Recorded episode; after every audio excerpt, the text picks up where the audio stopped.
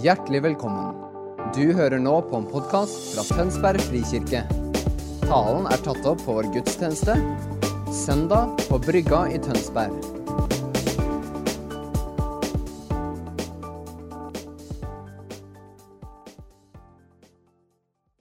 Jeg må be en eh, bønn eh, ut fra salmeboken i dag. Elvine Hede hun skrev den i 1879.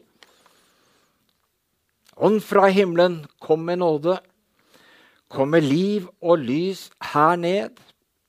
La din guddomsmakt nu råde. Gjør oss vis til salighet. Gjør oss vis slik at vi er kjempeheldige, betyr salighet. Livets ord må du forklare, så ordet skaper eller virker hva du vil. Og la også her dets kraft erfare, og fyll vår sjel med hellig ild. Herre Jesus, jeg ber om det. At du forløser din gode Hellige Ånd i vår midte, slik at vi skjønner hva du sier i ditt ord. At du griper våre hjerter, slik at vi kan leve ditt ord. For at du levendegjør det i oss. Amen. Hva tror du er noe av det viktigste vi bør gripe og leve i som kristne? Noe som har konsekvens for det meste annet.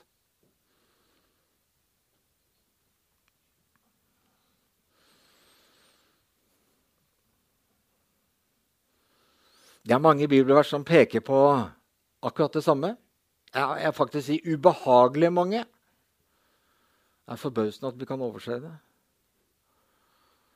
Johannes, som kalles eh, kjærlighetens apostel Jeg kan ikke begripe hvorfor vi kaller han det. Jeg vil kalt han den tøffeste apostelen. Sånt nå. Han er jo så utfordrende at det holder nok. Så er kanskje det sånn kjærlighet. Det er en annen sak. Men han er svært tydelig når han formulerer hva Gud Fader mener om dette. Og han sier det faktisk rett ut. 1. Johannes 3, 23 som et eksempel. Det er flere andre, men vi tar den.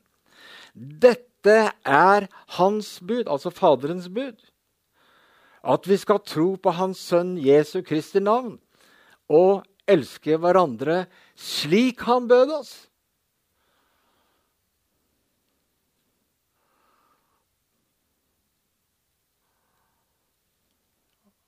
Det er en enkel troslærer, er det ikke det? Du kan til og med huske den. Så hva det Gud Fader sier til oss? Så vi skal lære barna våre og alt det der som vi var inne på. Hva er det først og fremst vi må gripe og lære videre? Jo, troen på Hans Sønn, altså Jesus Kristus.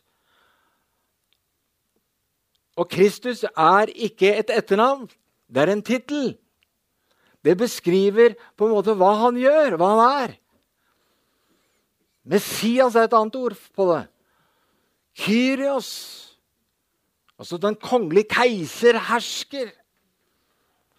Altså at du har tro på at Jesus ikke bare er en som frelser, men at han hersker over Guds rike. Og jeg tror og mener det at det har kristenheten stort sett mistet. Vi snakker om han som frelser. Men altså, vi skal tro på han, at han også er Kyrios, Messias. Og så elske hverandre. Ja, fint å høre alle de amen og halleluja. Jeg satte pris på det. Yes! Altså vokse i kjærlighet, i å elske Gud og mennesker, er avgjørende viktig. Det var det Faderen først og fremst ber oss å gjøre når vi blir Guds barn. Hvorfor er det så, så vanskelig for oss? Hvorfor er så kristenheten så lite preget av nettopp det som er det viktigste? Hvorfor sier vi så lett at det er så mange andre ting som er viktig?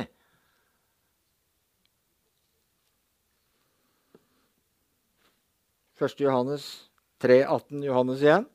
Mine barn Han begynner vennlig. Mine barn, la oss ikke elske med ord og tunge, men i gjerning og sannhet. Jeg er flink til bare å prate om det, men det er ikke det han er ute etter. I gjerning og i sannhet. Slik skal vi vite at vi er av sannheten. Så hvordan kan du vite at du er på rett vei, jeg holdt på å si teologisk? Denne her er ekkel, altså. På om du elsker. Hvis du ikke elsker, hvis ikke kjærligheten er en del av ditt livsuttrykk, så hjelper det ikke hvordan den læra er. Du er uansett på ville veier. Og folkens, Det er Johannes som sier det. Jeg siterer han. Vi kan altså vite om vi er av sannheten i, som kristne, ikke på våre meninger, men hvordan vi elsker. Og Da er jo et nærliggende spørsmål hva må til for at vi kan vokse i å elske i gjerning og sannhet? Det må jo være det viktige spørsmålet. Hvordan ser denne kjærligheten ut i ditt og mitt liv? I hverdagen? Er jo viktig å finne ut av, og det skal vi da snakke litt om. En utfordring angående kjærlighet som først kommer, er jo at kjærlighetens vesen er jo frihet. Kjærligheten kan ikke påtvinges. Jeg skulle ønske den kunne den, på en måte. men egentlig så gjør jeg ikke det, fordi jeg skjønner jo at det er ikke sånn. Gud kan ikke tvinge sine barn til å elske. Selv om det hadde vært det beste for dem. Tenk om han bare kunne si det hver gang håper vi døper barn, at ramna kjærligheten, nå er du nødt til å elske resten av livet ditt. Tenk så bra det livet hadde vært! Men det fungerer ikke sånn. For det må være frihet. Du må kunne si ja eller nei. Ja eller nei. Og folkens, Det tragiske er at Kristi menighet sier som regel nei. Vi kan feiltolke dette til at vi tror at det er ikke så viktig. Vi snakker jo ikke så mye om kjærlighet, vi snakker heller om riktig lære. og alt sånt. Og jeg tror faktisk at siden kjærlighet er noe av nøkkelen og kjernen i kristenlivet, så kan vi regne med en åndelig motstand mot nettopp det som forsøker å forvrenge kjærligheten hos oss. Vi har vrengebilder av hva det er. Og forståelsen av viktigheten av det. Og det er et åndelig manipulerende ting som djevelen stort sett lykkes med. Vi kan si at Vårt forhold til Guds kjærlighet begynner selvfølgelig med Gud. Den kommer jo fra Gud, det vet vi jo.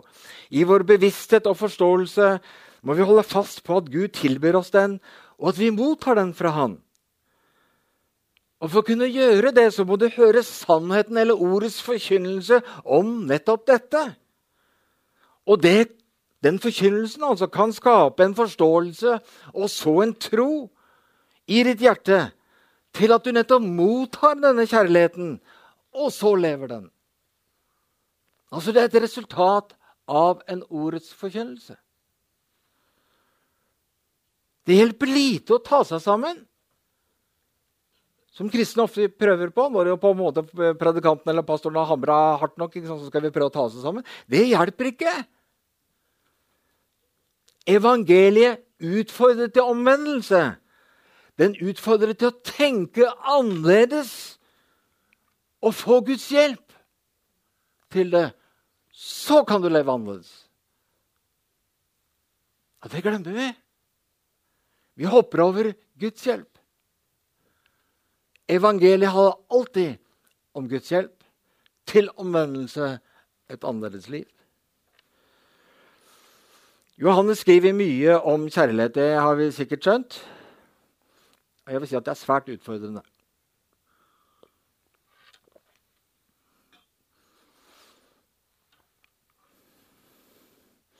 Første Johannes 3, 14.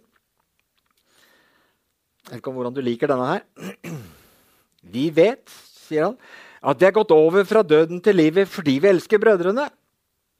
Den som ikke elsker, blir i døden. Det tenker jeg nørte opp om med frelsesvissheten din. Hørte ikke mange halleluja nå? Det er nesten sånn at uh, Årsaken til at jeg vitser nå Dette er egentlig grav alvorlig. Men hvis jeg får deg til å le litt, så slapper du litt av, og så er det lettere for deg å ta imot sannheten. Det var det pedagogiske i det. Johannes sier altså at tegnet på at vi er frelst, er at vi elsker hverandre.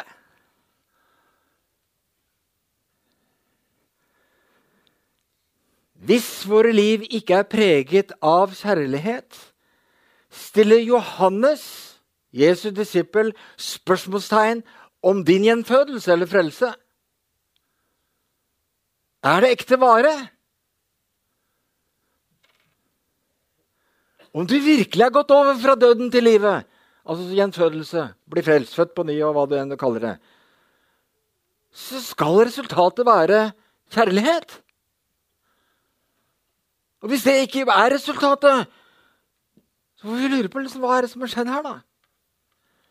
Nå tror jeg det er eh, mye som har skjedd.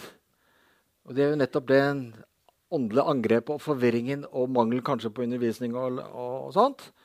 Men hvis vi da sier det slik at hvis vi likevel er født på ny og Guds barn, da er det iallfall grunn til stor uro hvis vi ikke elsker hverandre. Er vi enige om det? I alle fall, hvis vi iallfall skal si at okay, vi er iallfall innafor så vidt det er, men guri malla, det er noe som er fundamentalt gærent. Hvis ikke kjærligheten er der. For det er kjernen. Derfor, fordi dette er situasjonen så altså Det er en logikk i det Johannes har. Derfor kommer Johannes da med en oppfordring. Og hans oppfordringer er knallsterke. 1. Johannes 4, 7, 12. Vi hopper til kapittelet etterpå. Og Der står det i 'mine kjære' Han begynner jo veldig vennlig. da. 'Mine kjære, la oss elske hverandre.' Og alle sa ja, amen. For Og Legg merke til hva han sier. La oss elske hverandre. Hvorfor skal vi elske hverandre? Det er for. For kjærlighet er av Gud. Ja, Gir det noe mening, da? Jo, så sier han at hver den som elsker, er jo født av Gud. Au! og kjenner Gud. Bekreftelsen på at du kjenner Gud, er at du har begynt å elske. Han er så ekkel at han sier at hvis ikke du lærer Gud å kjenne, og det resulterer i kjærlighet, så kjenner du ikke Gud. Bibelens Gud. Du kjenner andre guder. Fordi han er kjærlighet. Altså, Du kan ikke unngå å møte hans kjærlighet når du treffer Bibelens Gud? Jeg, jeg blir personlig anfektet. Altså. Altså. Du skal vite Om du sitter der plaget der nå, så sa jeg også det. Jeg syns dette er vanskelig. Men jeg tror det er sannheten. Grunnen til at vi velger å elske, er jo at kjærligheten kommer fra Gud. Og alle som fødes av Gud, vil, eller iallfall la oss si, kan elske. Det er en årsak-virkning. Alle som er født av Gud, som er kjærlighet, har en stor mulighet til å kunne begynne å elske. Hva sier jeg veldig vennlig? vennlig. Ja, la oss si det vennlig, da. Det må jo bety at det som skjer i oss i frelsen, er noe som åpner opp for Guds kjærlighet i oss. Henger du med på den? Hvis Gud sier det er slik at alle som jeg gjenføder, alle mine barn, elsker, så må jo være det at det som skjer i gjenfødelse, som gjør dette mulig. da. Og nå er grunn til å si halleluja. Halleluja. Det var ikke mange. Ok. Vers 8. Den som ikke elsker, kjenner ikke Gud, for Gud er kjærlighet. Det sa jeg. I Guds rike er altså en forståelse av årsak-virkning. Kommer du nær Gud, vil hans vesen forsøke hans kjærlighet vesen vil forsøke å gjøre noe med deg, fordi han er slik. Dytte deg mot det at du begynner å tenke og handle kjærlighet. Han vil prøve å påvirke deg til det, fordi dette er hans vesen. Jeg håper å si, Du må anstrenge deg litt for ikke å bli påvirket. Hm. Hvis du ikke er preget av kjærligheten, er det altså da en grunn til uro og spørsmål angående din relasjon til Gud. Får du fra Han det som er ment at du skal få fra Han? Preges du av ham og hans kjærlighet når du er med han i bønn og sånn? Eller har du et annet gudsbilde, kanskje? Jeg tror at det, Dette kan være årsak for mange. De har et annet gudsbilde om at Gud er en dømmende og straffende Gud. Og Det kobler jo opp en helt annen virkelighet og påvirkning hos deg.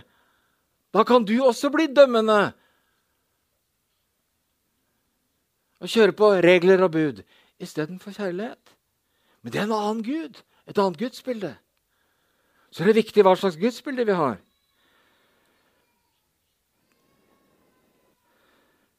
Mangler det noe i forkynnelsen av evangeliet som gjør at du ikke vet dette godt nok, eller får troens frukt i ditt liv?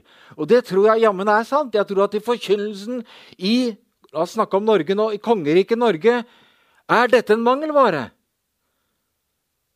Viktigheten av Guds kjærlighet, at vi lever det ut. Fordi Gud er kjærlighet, og utøst den kjærligheten i vårt indre. Hvordan kan mennesker så begynne å forholde seg til Guds kjærlighet? Og Da er vi kommet til vers 9. Ved dette, sier han, ble Guds kjærlighet åpenbart iblant oss, at Gud har sendt sin enbårne sønn til verden for at vi skal leve ved ham. Kjærligheten begynner altså med en åpenbaring, eller altså heller si en forståelse, en ny forståelse. At Gud elsker meg virkelig fordi Jesus kom og døde istedenfor meg. Og så fødes jeg på nytt og blir et Guds barn, slik at jeg kan preges av Han. Det er liksom logikken. Og på det kan vi skjønne Guds kjærlighet. Tror du dette? Legger du merke til konsekvensen av det? For at vi skal leve ved Ham. Det er ekle disse 'for at'. Derfor. Ja. Vi, kjærligheten åpenbares for oss. Vi får en forståelse om Guds kjærlighet for at vi skal kunne leve ved ham. Ved hans kjærlighet og ved hans vesen. Altså noe helt annet enn å ta seg sammen. Motivasjonen og evnen til å leve for og ved Gud, eller følge etter Jesus, som vi liker å kalle det, kommer fra åpenbaringen eller forståelsen av Guds kjærlighet. Vers 10. I dette er kjærligheten ikke at vi har elsket Gud, men at Han elsket oss og sendte sin sønn til soning for våre synder. Mine kjære, har Gud elsket oss slik? Forstå da hva slik betyr. Da skylder også vi å elske hverandre. Hvis du forstår hvor mye Gud elsket, hva det kostet Gud Fader, og hva det kostet Jesus, som beskriver kjærlighetens vesen, da begynner det å nærme deg Oi, kanskje jeg også kan gjøre noe av dette. Ingen har noensinne sett Gud. Dersom vi elsker hverandre, da blir Gud i oss.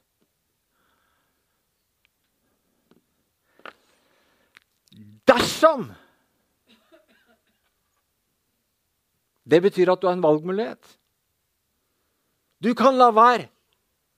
Da vil Guds vesen, som kan prege deg, i deg, minke. Jeg anbefaler ikke det. Det får et dårlig resultat i livet ditt. For da mister du Guds hjelp, som du trenger å leve med ham. Og det henger med kjærlighet.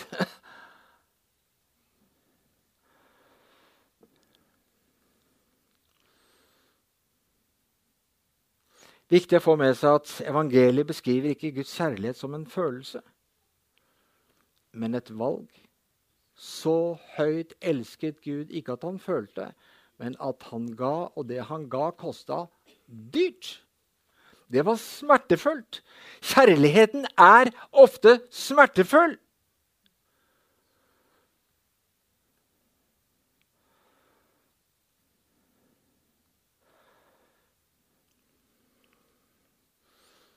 Evangeliet beskriver at når vi tar imot Jesus som vår frelser, gjenføder Den hellige ånd. Hellige ånd oss. Den hellige ånd tar bolig i oss. Og vi får eh, både formidle Guds vilje til oss og hans kjærlighet og kraft til forandring. Dette er evangeliet. Guds barn får på en måte en slags fødselsdagsgave når vi fødes på nytt, og den er, heter Guds kjærlighet. Og Det er meningen at vi skal slippe den kjærlighet som Gud legger ned i vår ånd ved Den hellige ånd. Slippe den løs i livene våre og vokse i den. Og Da er spørsmålet hvordan skjer dette? Og Da har vi et fint vers i 1. Tessalonikerne 4,9 som sier noe om dem. For Da sier nemlig Paulus.: Men om broderkjærligheten er det ikke nødvendig å skrive til dere. Tenk det det fantes en kjærlighet det ikke var nødvendig å formane angående broderkjærligheten. Skulle ønske det var sagt om oss. Men kanskje det kan bli slik om oss. Og så forklarer han dere er jo selv lært av Gud til å elske hverandre. Paulus sier her at Gud vil lære oss å elske ved Den hellige ånd. Og da er mitt spørsmål da, har du lært av Den hellige ånd å elske? Jeg tror faktisk når det kommer til himmelen, det avgjørende og største spørsmålet eller første spørsmålet du får når du kommer til himmelporten, hvordan det enn ser ut Kommer Jesus eller Gud Fader og ser på deg, og så er spørsmålet hvordan elsket du? Har du lært å elske?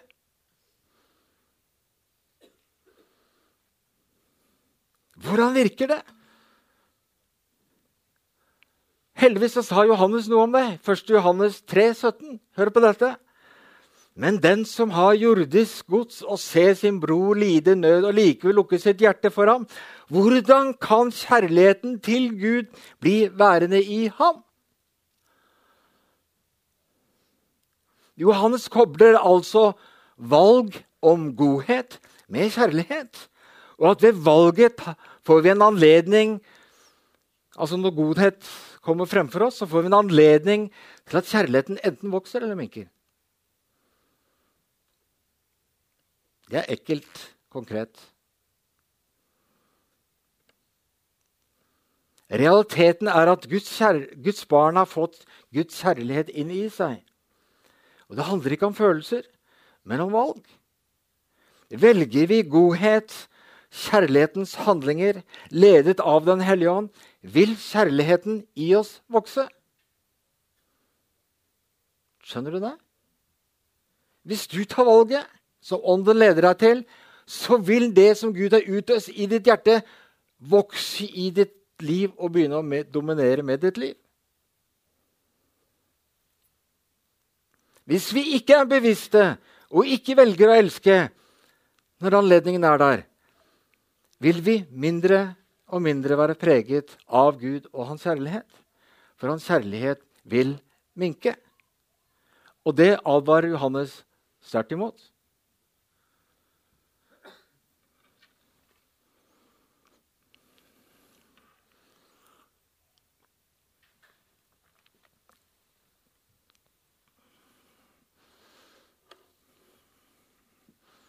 Dere er i live fortsatt? Nå kommer jeg til å si eh, noe som jeg opplever er litt ubehagelig. Er litt eh, sårbart. Det kan misforstås. Så jeg håper at eh, du i nåde prøver å få med deg noe jeg kommer til å si. Jeg føler, dette føler jeg er viktig for denne menigheten. Gjerne andre også, men nå er det også det handler om. Jeg tror at en hindring for Guds kjærlighet i oss er vår menneskenatur. Vi er naturlig selvopptatte og har et fokus på oss selv. Og vi vil helst at andre mennesker møter våre behov. Og kjærligheten i samfunnet vårt forstås ut fra det. Vi snakker til og med å falle inn og ut av kjærlighet når det gjelder relasjoner. Altså noe som skjer oss. Bibelen snakker om noe helt annet. Guds kjærlighet er altså helt annerledes enn verdens bilde av det. I Paulus i da for, for eksempel 1. Korinterne 13, som vi vet, der står det jo kjærligheten tåler alt. Utholder alt. Altså sånne ekle, absolutte uttrykk. Og jeg tror at vi trenger et skifte i vår forståelse. Og Da handler det om en tilegnelse av korset, hvor vi åpner for at vår selvopptatthet eller egosentrisitet, eller hva du vil kalle det, kan begynne å dø i oss. Fordi noe annet er viktigere. Et skifte over til å tenke og handle med Jesus. Følge han eller kjærlighetens vei. Jeg tror faktisk at selvlivet ditt, din selvopptatthet, av hvordan jeg har det, hva jeg ønsker, er faktisk en motkultur mot Guds kjærlighet. Du kan ikke ha begge deler. En av dem må vike. Og fordi ikke evangeliet har vært krystallklart for oss, så lar vi kjærligheten vike. Og vi, mange av de fleste av oss visste ikke bedre. Eksempelvis hvordan ser Guds herlighet ut i deg når andre utfordrer deg og sårer deg? Fungerer 1. Korinterne 13 da? Tåler alt, utholder alt. Hva sier din reaksjon og det du gjør etter din reaksjon, om Guds herlighet i deg? Hvilken natur får lov til å styre? Hvem hører du på? Det naturlige, normale, menneskelige eller Guds kjærlighet?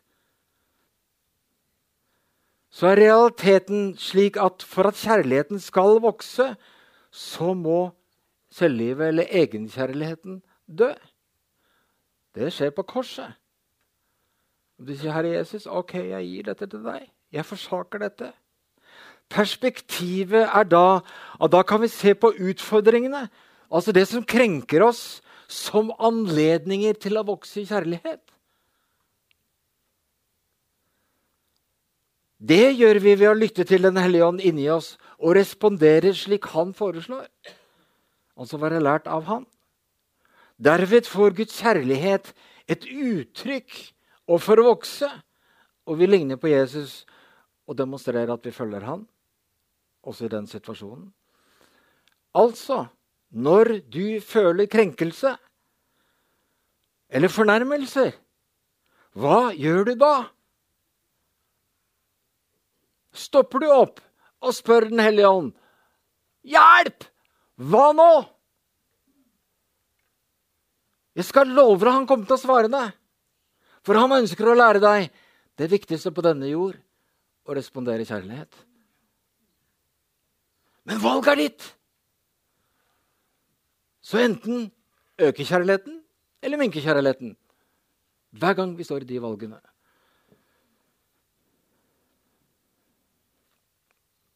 Jeg kommer til å preke over tiden, bare så dere vet det. Bare slapp av.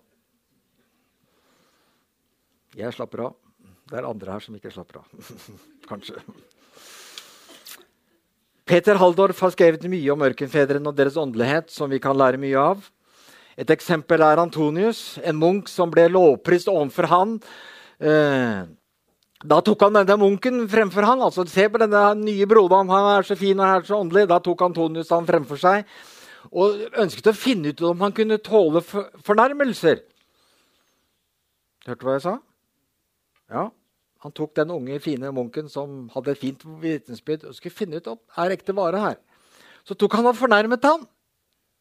Og så sa uforskammetheter tråkka han på tærne, slik han virkelig ble heit om ørene. Og fornærmet ble han selvfølgelig. Han ble såret og krenket av denne lærefaderen. Og så sier denne lærefaderen til denne unge munken Du ligner en by som riktignok er vakker smukket på framsiden, men baksiden er den ødelagt av røvere. Folkens De var litt barske, disse kirkefedrene. De hadde lært nemlig å skjelne åndelighet og hva Guds kjærlighet er. De tenkte hvordan man takler fornærmelser og det å bli såret og sånt, sier mye om ektheten og dybden i kjærligheten i livet ditt. Selvopptattheten og egenkjærligheten er altså en motkultur mot kjærligheten i oss og vil motarbeide den. Derfor utfordrer kirkefedrene, eller ørkenfedrene spesielt, hvordan man reagerte på andre. Og så på utfordringene og krenkelsene fra andre som vekstmuligheter, som bekreftelse på sann åndelighet og kjærlighet. Det er barskt å lese det. altså. Man lot selvlivet dø på korset. Og så grep de en Guds herlighet som forandret den verden.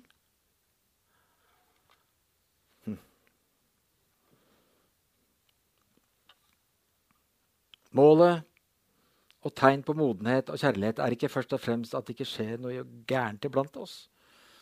At du opplever deg ikke såret. At ingen sårer deg. Men hvordan vi responderer på det. En kjærlighetskultur som vi arbeider for å få her i menigheten, vil ha en motivasjon og en forståelse om dette som ligner på kirkefedrene. Det arbeider vi faktisk for. Anledninger til å vokse i kjærlighet og modenhet. Og avvisning av negative, såre følelser som kan gi mangel på tilgivelse og bitterhet og skape avstand, ønsker vi å gjøre noe med. For Guds kjærlighet har nemlig en raushet over seg. Den tåler ting. Men ut fra godhet er den også villig til å snakke ut om det vanskelige. Men da ikke ut fra forsvar og prøve å ha rett, men å fremme det gode hos alle parter.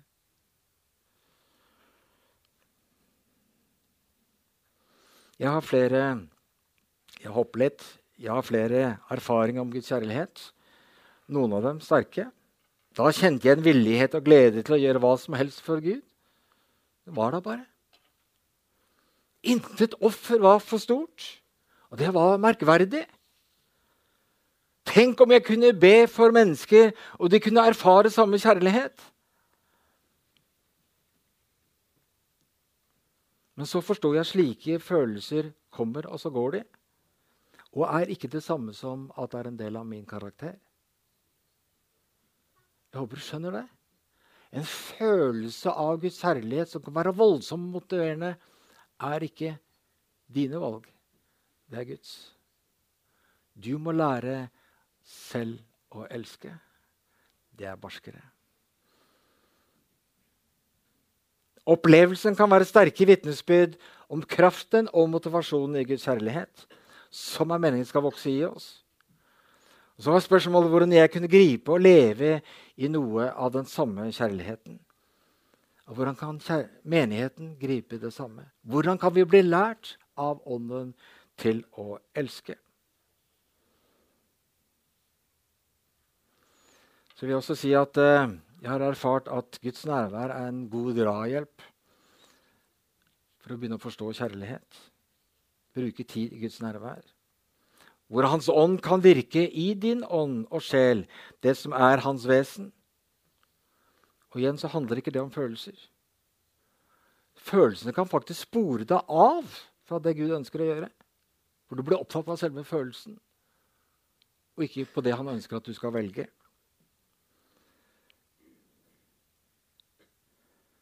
Han ønsker å gi deg en trang til å behage Gud og gi hans godhet videre til andre mennesker. Det Gud først og fremst ber oss om, er at vi skal ta imot Hans herlighet, som er utøst i våre hjerter ved Den hellige ånd, og lære av Ånden å elske og velge godhet og raus kjærlighet til alle. Nå skulle jeg bedt dere komme opp her og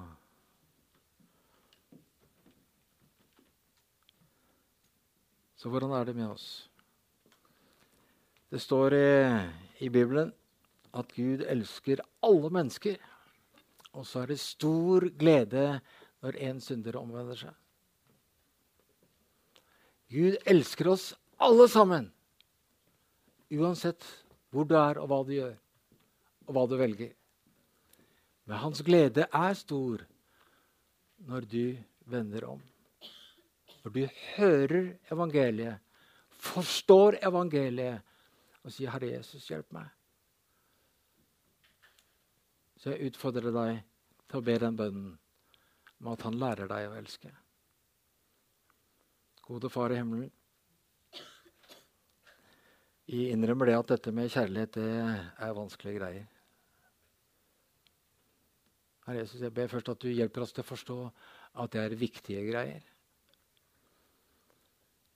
Og så er det så unaturlig for oss. Og takk at du skjønner det, at det er unaturlig for oss.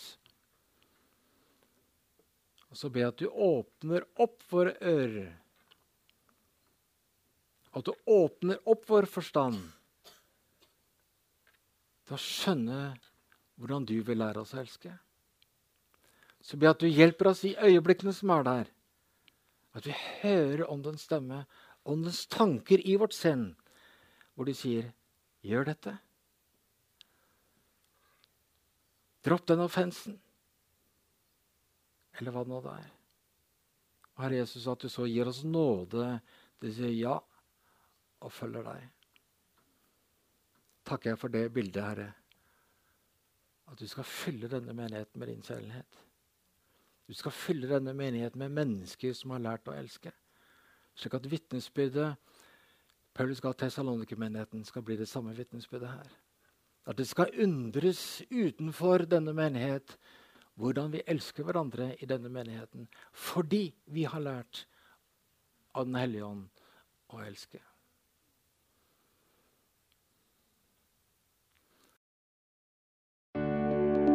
Takk for at du hørte på vår podkast. Har du spørsmål eller ønsker du å vite mer?